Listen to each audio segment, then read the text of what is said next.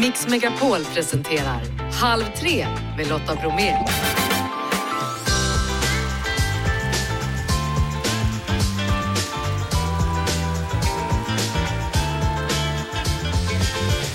Hallå där och varmt välkommen in i Halv tre-studion. Eller välkomna tillbaka kanske man ska säga, för nu är vi inte längre i fjällen utan finns på plan mark. I dagens måndagsmix, Sveriges huvudstad blir i detta nu Europas gastronomiska huvudstad. Laurel är dagens gäst, på lördag så deltar hon i Mellon och denna gång som artist. Gabriel Uggla berättar om sitt tandborstmuseum och Jesper Hoffman om podden Fotbollsmorgon. Claes Svahn, han har koll på ufon. Spionerar de eller är det något helt annat det handlar om? Och alldeles strax ska vi prata med Tusse som har premiär på en ny tv-serie tillsammans med Linnea Henriksson imorgon. Och dessutom då som sagt, det är tandborstens dag hörni, så borsta på, nu kör vi! Mix Megapol är kanalen. Imorgon tycker jag ni ska slå på tvn klockan 20.00. Då är det nämligen premiär för ett nytt program i SVT. Det är Tusse och Linnea Henriksson som leder ett nytt realityprogram som heter Den blomstertid. Det är ett musikprojekt på en högstadieskola där syftet är då att få eleverna att må bättre. Och Tusse, när du kom tillbaka då till högstadiet, hur, hur kändes det? Om jag ska vara ärlig, helt svinläskigt var det. För mig så var högstadiet en väldigt svår period då jag inte riktigt passade in kan man säga. Jag var den som målade naglarna och eh, var lite excentrisk och gillade musik och passade riktigt, liksom inte in med fotbollsgrabbarna. Så att, att sätta foten igen på ett högstadieskola var ju lite, kanske inte den bästa idén när, när jag tänkte efter när jag kom in där. Så jag var ganska rädd. Direkt när vi kom in på eh, skolgården så såg jag några fotbollsgrabbar och igen, alltså det kom på riktigt en, en vind av kyla genom hela mig och var så här, vad har jag gett mig in på? Att forskning då visar att psykisk ohälsa är vanligt och väldigt utbrett bland Sveriges högstadiebarn, det är mm. ingenting som förvånar dig igen? Tyvärr är det inte det. För jag, tror vi alla kan skriva upp att, att högstadiet kanske inte var den bästa tiden i livet. Alltså att man, man, man mår inte jättebra när man får liksom det här ansvaret. Det är mycket press på en, det är mycket liksom som, som är på spel känns som redan då. Man växer och man börjar förändras. Och man får det här vuxna ansvaret ganska tidigt och helt plötsligt så går det från att ja, men bara gå till skolan för att ha något att göra till det är livsviktigt med betyg, det är livsviktigt att göra läxorna och allt sätt få spel på något sätt. Så att mitt i det här så, så hoppades vi på att musiken skulle kunna vara en fristad för dem. Så hur har ni gjort nu då för att få ungdomar att upptäcka musik som en slags port till friheten? Jo men vi kom dit och vi hade ju vi hade ingen aning om vad vi skulle göra. Vi är inga pedagoger, vi är, vi är liksom båda bara artister, self-made artister. Vad, ska, vad har vi att komma med? Men på något sätt så kände vi väl att när vi skrev in i det här rummet så såg de upp till oss lite och det, det kunde vi använda oss av. De lyssnade på oss och de var taggade på att ta upp ett instrument. Och vi, jag är ingen trummis, jag är ingen basist, så vi fick ju faktiskt ta hjälp. Så vi samlade ihop 60-70 ungdomar som var jättetaggade på att vara med i det här musikprojektet på något sätt. Så tog vi in Nassim Al Fakir, vi tog in Jelassi, och så fick de ha liksom olika, ja men vad ska man säga, smak av musik. Och som det visade sig så ville de ha en superstor konsert. Vi drog med den idén, så det har varit en fantastisk resa som vi inte visste vart det skulle sluta. Ja, vilket ögonblick har etsat sig fast mest hos dig? Jo, men det måste vara en kille som heter Ramsi. Som, han dök aldrig upp på de här mötena eh, när vi var 70-60 stycken och delade upp oss. Men vi hade hört att han rappade så vi var tvungna att leta upp honom. Och sen så berättade han faktiskt att han rappar och skriver raptexter fast i hemlighet. Mamma vet inte om det, pappa vet inte om det, stora systern vet inte om det, ingen kompis vet om det. Men så vågade han rappa för mig och Linnea. Och vi fick, alltså det var så bra så vi var tvungna att liksom så här, har du någonsin varit i en studio och spelat in dina låtar? Han bara nej. Så vi tog in honom till en studio med, med en producent som vi jobbar med. Och han lös upp. Alltså den här killen hade gått runt med liksom lugg och keps hela terminen. Vi hade inte fått se hans ansikte. Dagen efter studion hade han diadem och han var en helt annan. Alltså jag minns att jag letade i hela skolan efter den här killen och jag kände inte igen honom för att han hade satt upp håret och han log, han sprang runt, han hade på riktigt hittat sin identitet på en dag. Bara att han fick utrymme för sin musikskapande. Så det är jag stolt över att vi kunde. Det förstår jag. Ah. Alltså sådana talanger och som glädje vet jag inte om jag har sett någon annanstans. För det var heller ingen musikskola. Så varenda liksom, ögonblick blev ju en överraskning för oss. Vad förvånar dig mest under den här tiden? Det som förvånade mig mest var hur mycket på riktigt livet började kännas redan på högstadiet. Jag vet att visst, jag hade det svårt på högstadiet, men det handlade ju mycket om vart jag var i livet, om hur det såg ut i skolan. Jag hade det väldigt tufft hemma. Men de här ungdomarna till och med de som kändes väldigt stabila hade väldigt mycket att säga om framtiden. Gymnasievalet skulle lägga grund för hela deras liv. Och de kände att om de inte hade börjat nu så hade de misslyckats. Så det var många som inte ville till exempel ta upp ett nytt instrument för att det var för sent eller inte ville göra om det där matteprovet för det var redan för sent. Alltså, så, så det kändes väldigt slutgiltigt för många. Och det gjorde mig väldigt ledsen att man sätter så mycket press på dem. Att det känns som nu eller aldrig och, och att det är hela livet. Liksom. Ja, och att livet är slut då, om man inte väljer rätt. Ja, som 14 år borde man absolut inte stå där med det beslutet tycker jag. Den blomstertid har premiär på SVT imorgon kväll klockan 20. Då stort tack för pratstunden Tusse, alltid lika kul. Detsamma Lotta, ha en fin... Hej hej! Hej! Idag så invigs Stockholm som Europas gastronomiska huvudstad 2023 och med oss nu Kristina Möller från Måltidsakademin och Karsten Turfjell som är ständig sekreterare på Gastronomiska akademin. Välkommen båda! Tackar! Tack. Mm.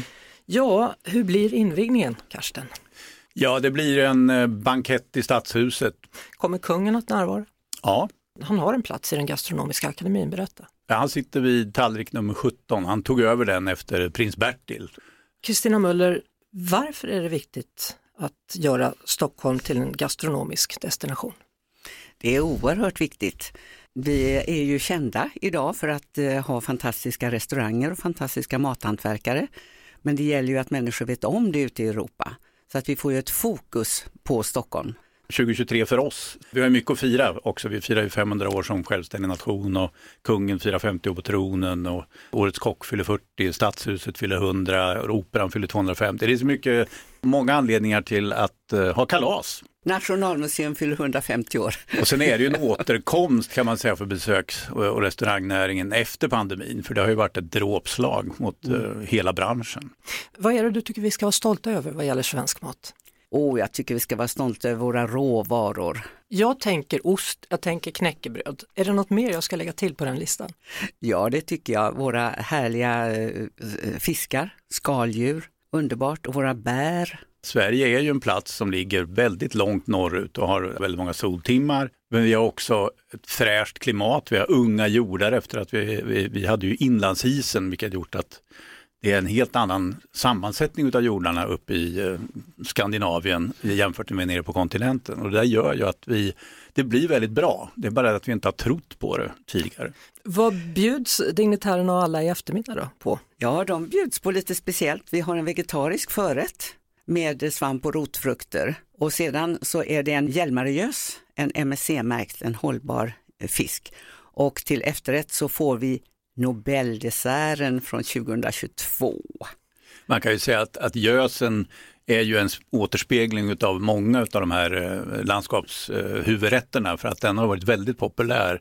Mm. Alltså hela Mellansverige har valt gös för det är ju någonting som alla gillar och det är lätt att tillaga och det blir, det blir gott. Ja, och det, älg är ju en, en råvara också som många har och äpple, mm. det är den råvaran som är mest använd, mest i södra Sverige. Och sen är det korv som bland annat finns i Stockholmsmåltiden. Det är roligt med Stockholmsmåltiden för här har man tänkt lite globalt med att vi har många nya svenskar. Om man börjar med en bowl där eh, man eh, försöker att få in stadens möte med olika grönsaker och så vidare som finns i närområdet. Och huvudrätten, det är roligt. För 1897 var det ju en industriutställning i Stockholm och då var det första gången man serverade korv, men inte med bröd men med mos. Och då var det inga korvgubbar utan det var korvmadammer som, som serverade det. Och sedan så har man en efterrätt med havtorn som ju är ett bär ifrån kustlandet i, i Stockholm. Det är en alltså- spännande måltid som eh, man ute i förorterna älskar och det är en lammkorv också så att många kan äta den. Jag förstår att du som eh, medlem av Korvakademin tycker att det är jättebra att korven är med här. Absolut, jag är ordförande i Korvakademin. Precis. Jag nämnde landskapsmåltider, berätta lite mer. Ja, det var ett initiativ som kom ifrån Folkets hus och parker. Det har ju funnits landskapsrätter Men det har alltid varit lite diskussion i, i landskapen i Småland och så vidare om vilken är vår rätt. Bråk skulle man kunna säga nästan. Ja, Olika precis. fraktioner som strider mot varandra. Kroppkakan mot raggmunken eller något sånt där. Ja, precis. Men måltid är ju väldigt bra för då har man tre, då kan alla bli nöjda. För det är både förrätt, varmrätt, efterrätt då? Ja. Ja, och då kan alla mathantverkare och andra få med sina råvaror så det blir lite lättare. Nu kollade vi alldeles nyss på Stockholms landskapsrätt. Ska vi gå ut lite i landet? Ja, det tycker jag. Jag tycker vi går till Blekinge. Hur har vi det där? Ja, där har man en blekingsk sillamacka. Och det är det enda landskap som har sill och det finns ingen som har strömming och det är tråkigt. Om man ser Ångermanland, ingen strömming, Hälsingland, ingen strömming.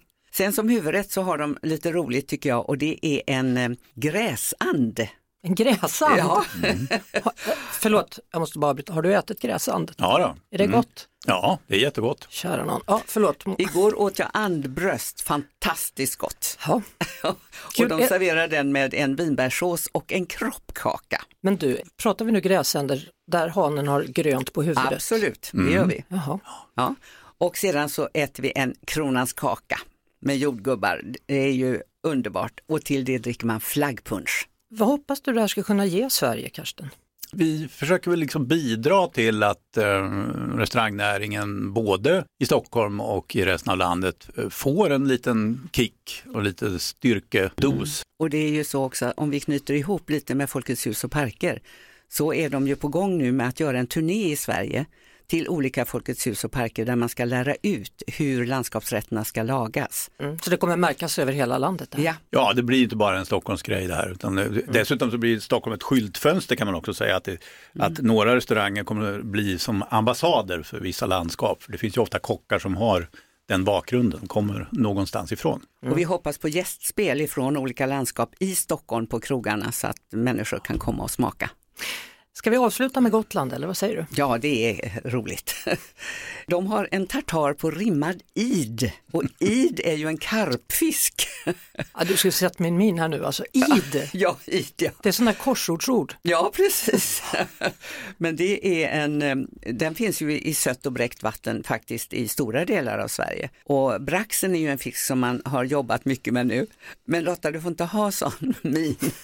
Brax. Ja, man brukar tala om eh, nålbrev, men eh, iden är fantastiskt god matfisk och det är roligt att Gotland har valt den tycker jag. Och sedan så har de lammlägg ifrån honlamm och det är ju en eh, fårart på Gotland. Och sen till efterrätt så har de äppelglass Åh, gott. från Gotland med ett äpple som heter stenkyrkeäpple som är så typiskt, en gammal sort på Gotland.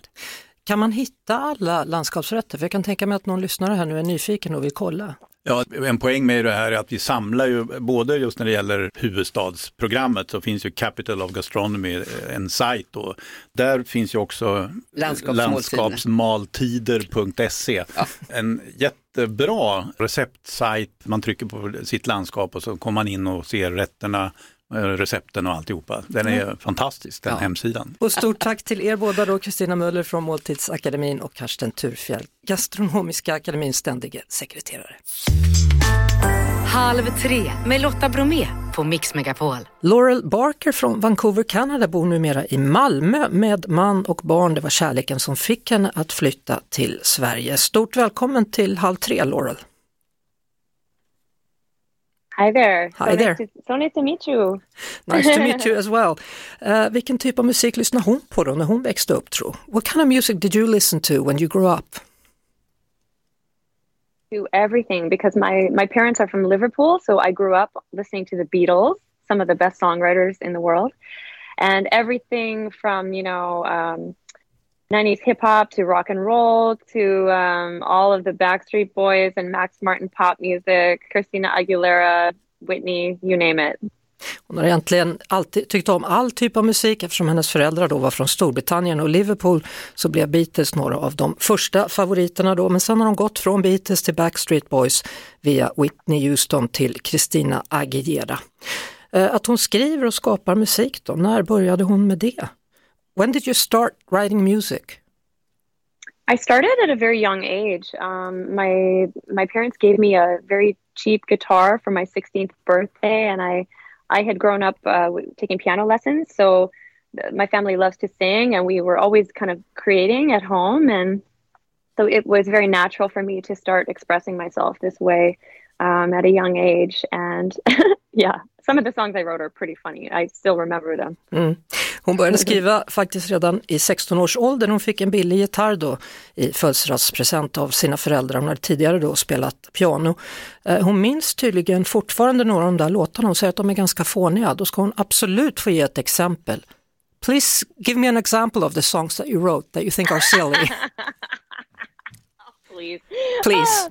okay, here's one. Um, cool. I wanna be cool. I wish I was the coolest person in the world. All those big stars think it's so great to be cool.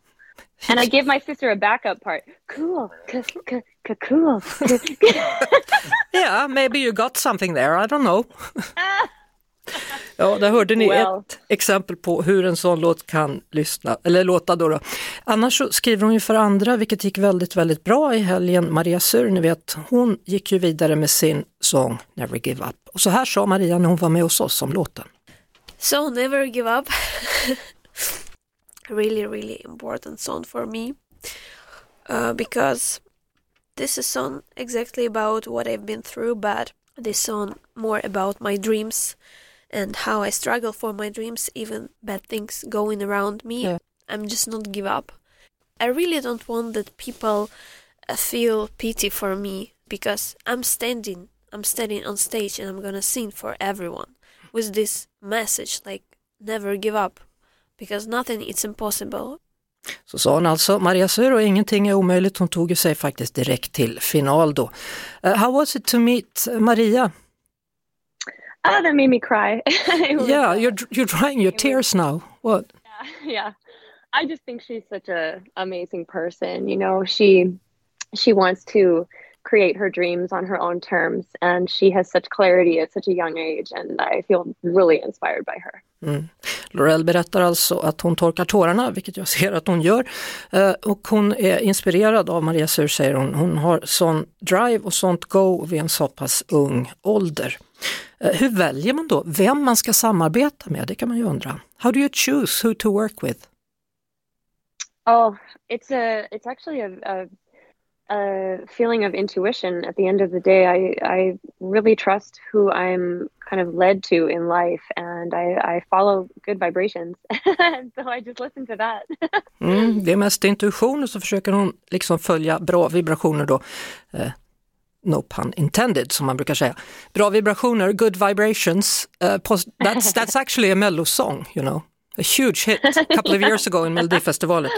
Uh, frågan är då vilken genre hon gillar att jobba för att uh, den här balladen då med Maria Sur, den är ju jättestor ballad och själv då, hennes låt var ju lite annorlunda och så vidare. What, what genre are you most comfortable in or with? Songwriting or in uh, performing? Uh, both. Uh, well, I mean, I I feel very comfortable singing pop music, but I was a jazz major focusing on voice. So there are actually like 10 different girls that live in my throat when it comes to demoing songs from K-pop to opera to jazz to um, wow. dance music. So it's really um, it's kind of more dependent on what I'm working on that day. mm. Hon har eh, ungefär tio olika kvinnliga röster som bor i hennes kropp. Det är alltifrån opera till pop, då, även om hon gillar pop allra mest. hon, hon har, tagit, har fått högt betyg i att sjunga jazz, så det är också en del av den som finns då i henne. Hon har faktiskt varit med i eh, Eurovision och då hade hon till och med tre låtar med där på samma gång för andra artister. Och då tävlade hon för Schweiz, Tyskland och Storbritannien.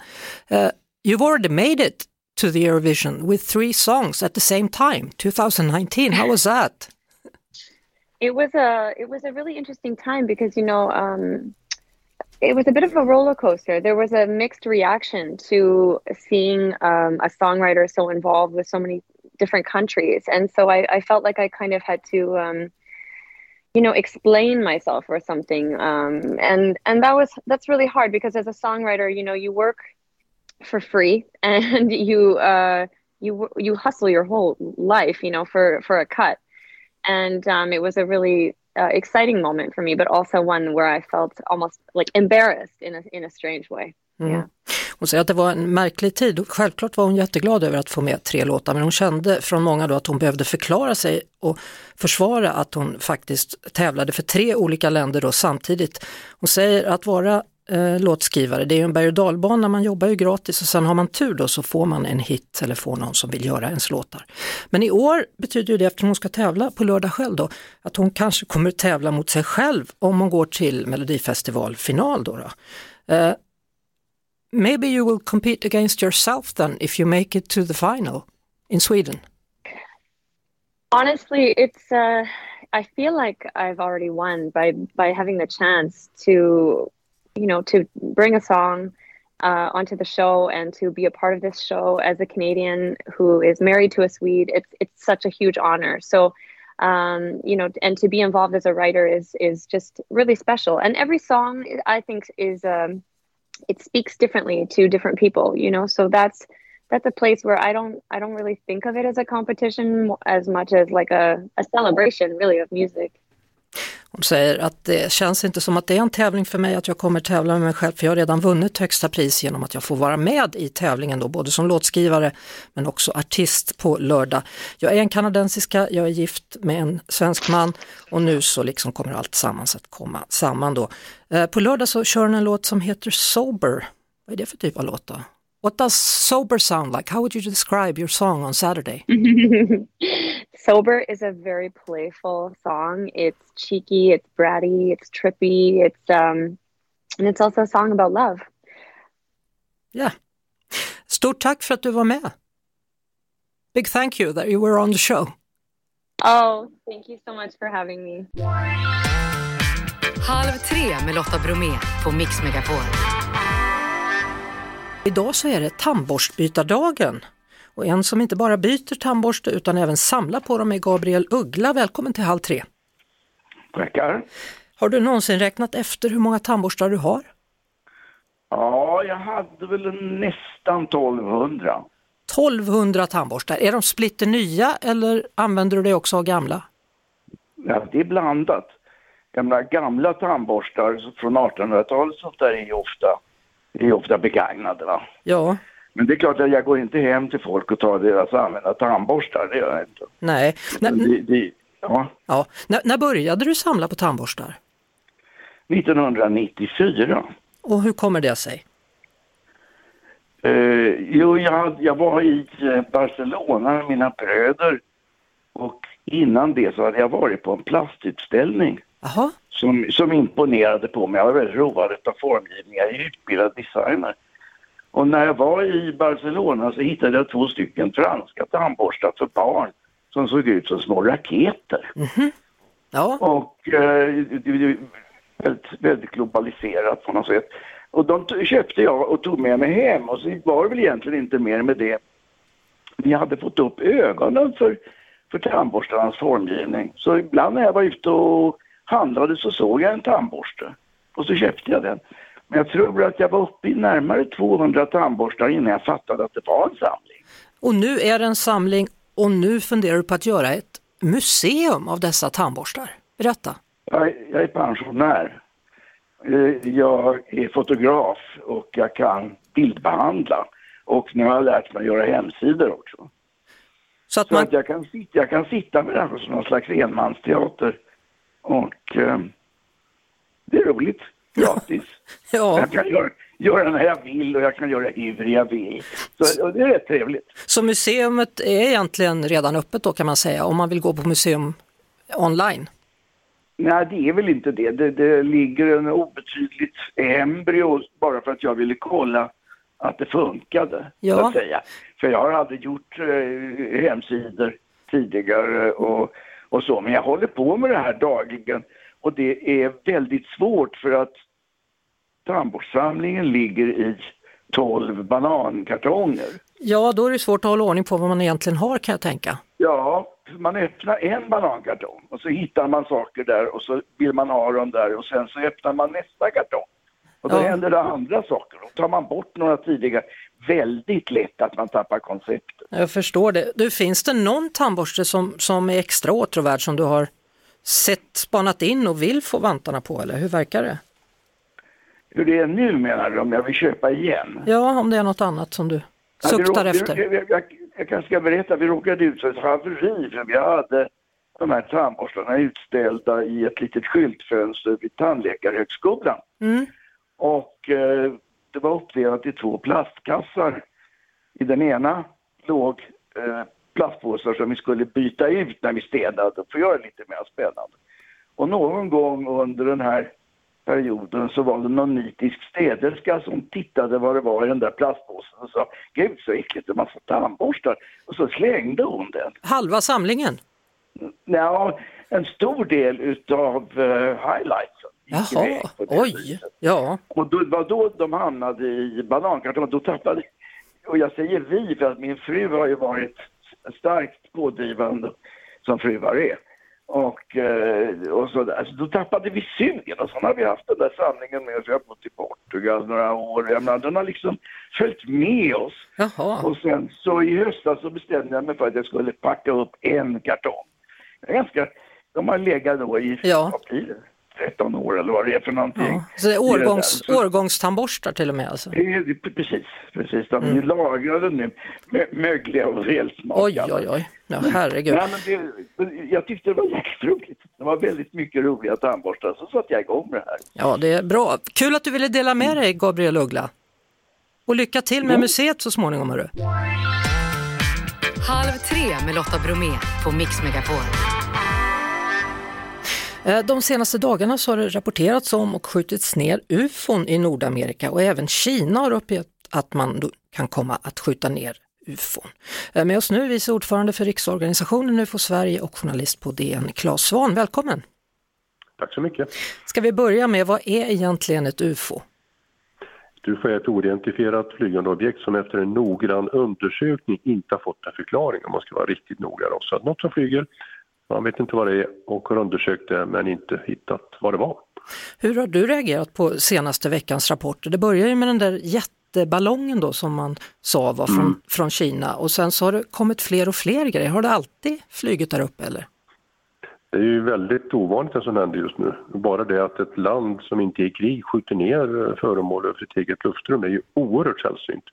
Och att det kommer in nu då från norr som de här föremålen kommer in eh, tyder på att det är någon som i en viss riktning håller på att skicka de här emot USA. Så det är väldigt spännande. Ja, det hade ju också dykt upp över Kanada då så att det, det kommer lite här och var just nu. Ja, de driver ju in uppenbarligen med vinden då som blåser väldigt starkt då ifrån Arktis in över Kanada och mot USA. Och eh, ett objekt sköts ju ner över Alaska, ett sköts ju ner över Yukon då i Kanada och ett igår då över Lake Huron då i, eh, på, på gränsen mellan Kanada och USA. Och än så länge då har man inte berättat speciellt mycket om vad det har varit, eller? Nej, man har varit väldigt tystlåten om det och delvis för att man inte har hittat delarna än. Den första då, kinesiska ballongen som vi vet var kinesisk, den har man ju bärgat delar av. Men de här tre andra man har skjutit ner har man ju ännu inte kunnat eh, plocka hem. De ligger på isen i två fall och eh, på botten utav sjön då, Lake Huron i ett fall. Så att man vet inte riktigt tror jag vad man har att göra med den. Amerikansk militär, då, en hög amerikansk militär, han har ju uttalat sig då på en presskonferens om huruvida det här skulle kunna vara UFO, om det skulle kunna vara varelser från yttre rymden eller som är utomjordiska då, då han svarat vi utesluter ingenting i nuläget. Ja, och det är väl så man svarar egentligen som militär. Eh, Man måste arbeta brett. Sen tror jag inte att de tror att det är utomjordingar som glider fram i något som liknar ballonger med, med vinden i väldigt låg hastighet och inte ens undviker att bli nedskjutna utan bara låter sig bli nedprickade. Eh, Jag tror inte att det är utomjordiska farkoster vi har att göra med men det är någonting för tillfället okänt och, och väldigt intressant. Mm. Eh, kan vi vänta oss mer observationer tror du, i närtid? Det kan man kanske göra för att amerikanerna har ju kalibrerat om sina radaranläggningar nu för att eh, bättre upptäcka långsamtgående mindre föremål på hög höjd. Eh, man var ju lite dålig på det här i början, fick kritik också för att man inte upptäckte dem här i tid. Eh, så nu har man nog tittat lite, lite bredare och jag tror säkert att det kommer att dyka upp fler föremål som de kanske tvingas skjuta ner också. Mm. Men, men vad är det för föremål då? För Kina har ju sagt att det där var bara en väderballong.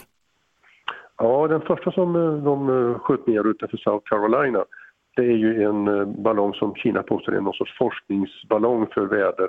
Det är den ju inte, det kan man säga. För om en sån ballong kommer på avvägar, vilket den här uppenbarligen har gjort, då säger man till de länder som uh, finns i riktningen så att inte mm. deras trafik kan påverkas. Så det kan vi nog avskriva. De andra vet vi då inte, men risken att det är spionballonger är ganska stor. Tack så mycket Claes Svan, vice ordförande för Riksorganisationen UFO Sverige och journalist på DN. Stor anledning att återkomma till dig framöver. Mm, gärna det. Tack, tack för tack. idag, hej.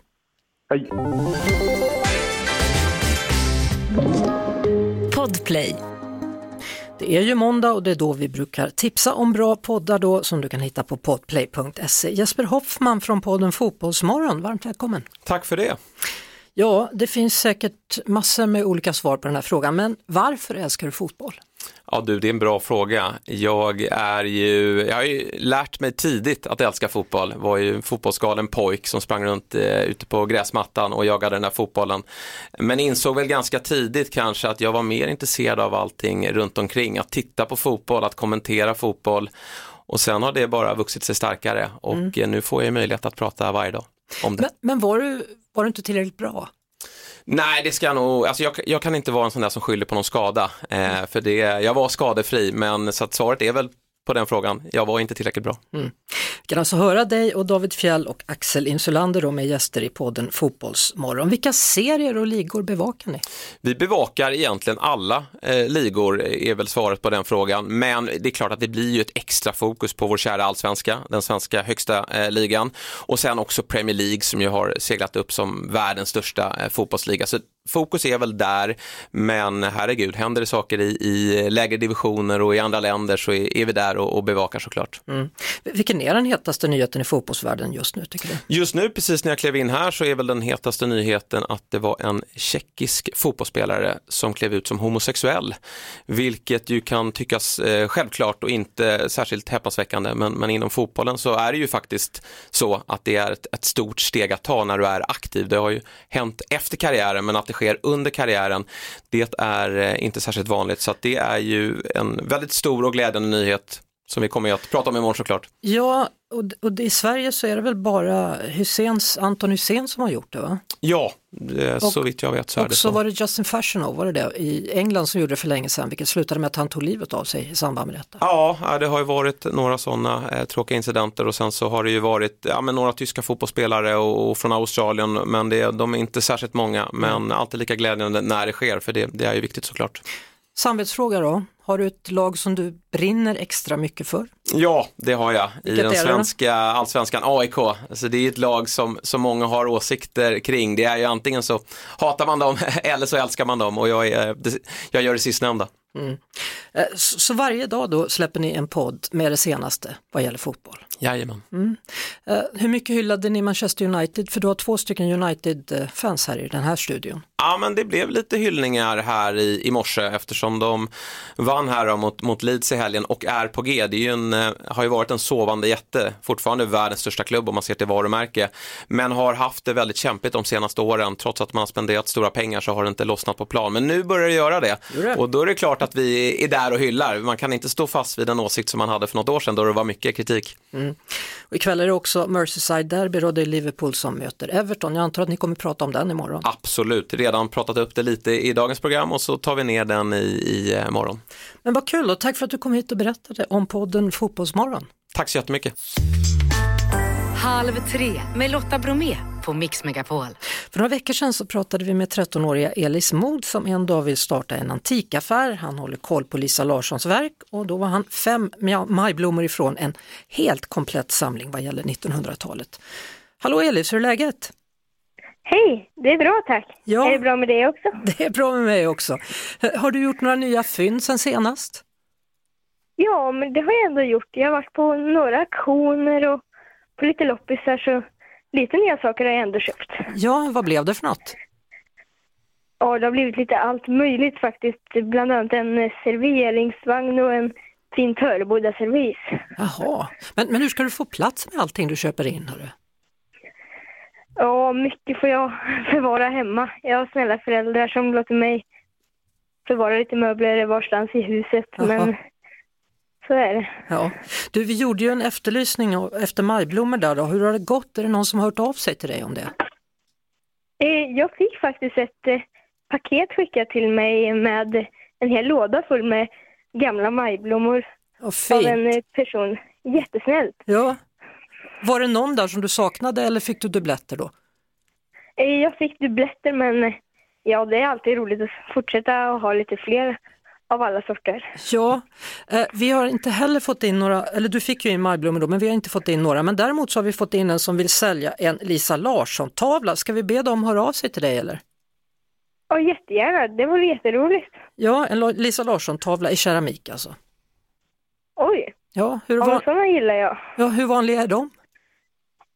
Eh, Det är lite olika vilka modeller det är. Det finns en serie som heter Unik och de, de är inte unika men eh, de är inte heller jättevanliga men de är populära. Mm.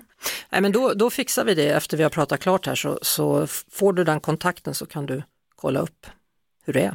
Ja, vad snällt. Eh, Tack så mycket. Varsågod i förväg. Men du, ska vi göra en extra efterlysning på majblommorna då? Vilka var det du behövde?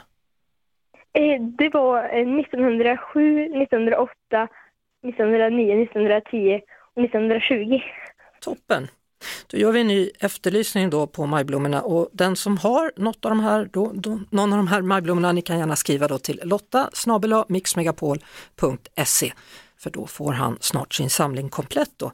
Men vad härligt ändå att några hörde av dig och att vi har fått lite Lisa Larsson-grejer som du kan kolla in efter sändningen då, Elis. Ja, men jättespännande och jättesnällt. Ja, vi hörs igen, tror jag. Vad tror du? Ja, det gör vi. Ja, det gör vi. Det var det. Vi hörs såklart igen på Mix Megapol varje eftermiddag vid halv tre. Ett poddtips från Podplay. I fallen jag aldrig glömmer djupdyker Hasse Aro i arbetet bakom några av Sveriges mest uppseendeväckande brottsutredningar. Går vi in med hemlig telefonavlyssning och, och då upplever vi att vi får en total förändring av hans beteende. Vad är det som händer nu? Vem är det som läcker? Och så säger han att jag är kriminell, jag har varit kriminell i hela mitt liv men att mörda ett barn, där går min gräns. Nya säsongen av Fallen jag aldrig glömmer på Podplay.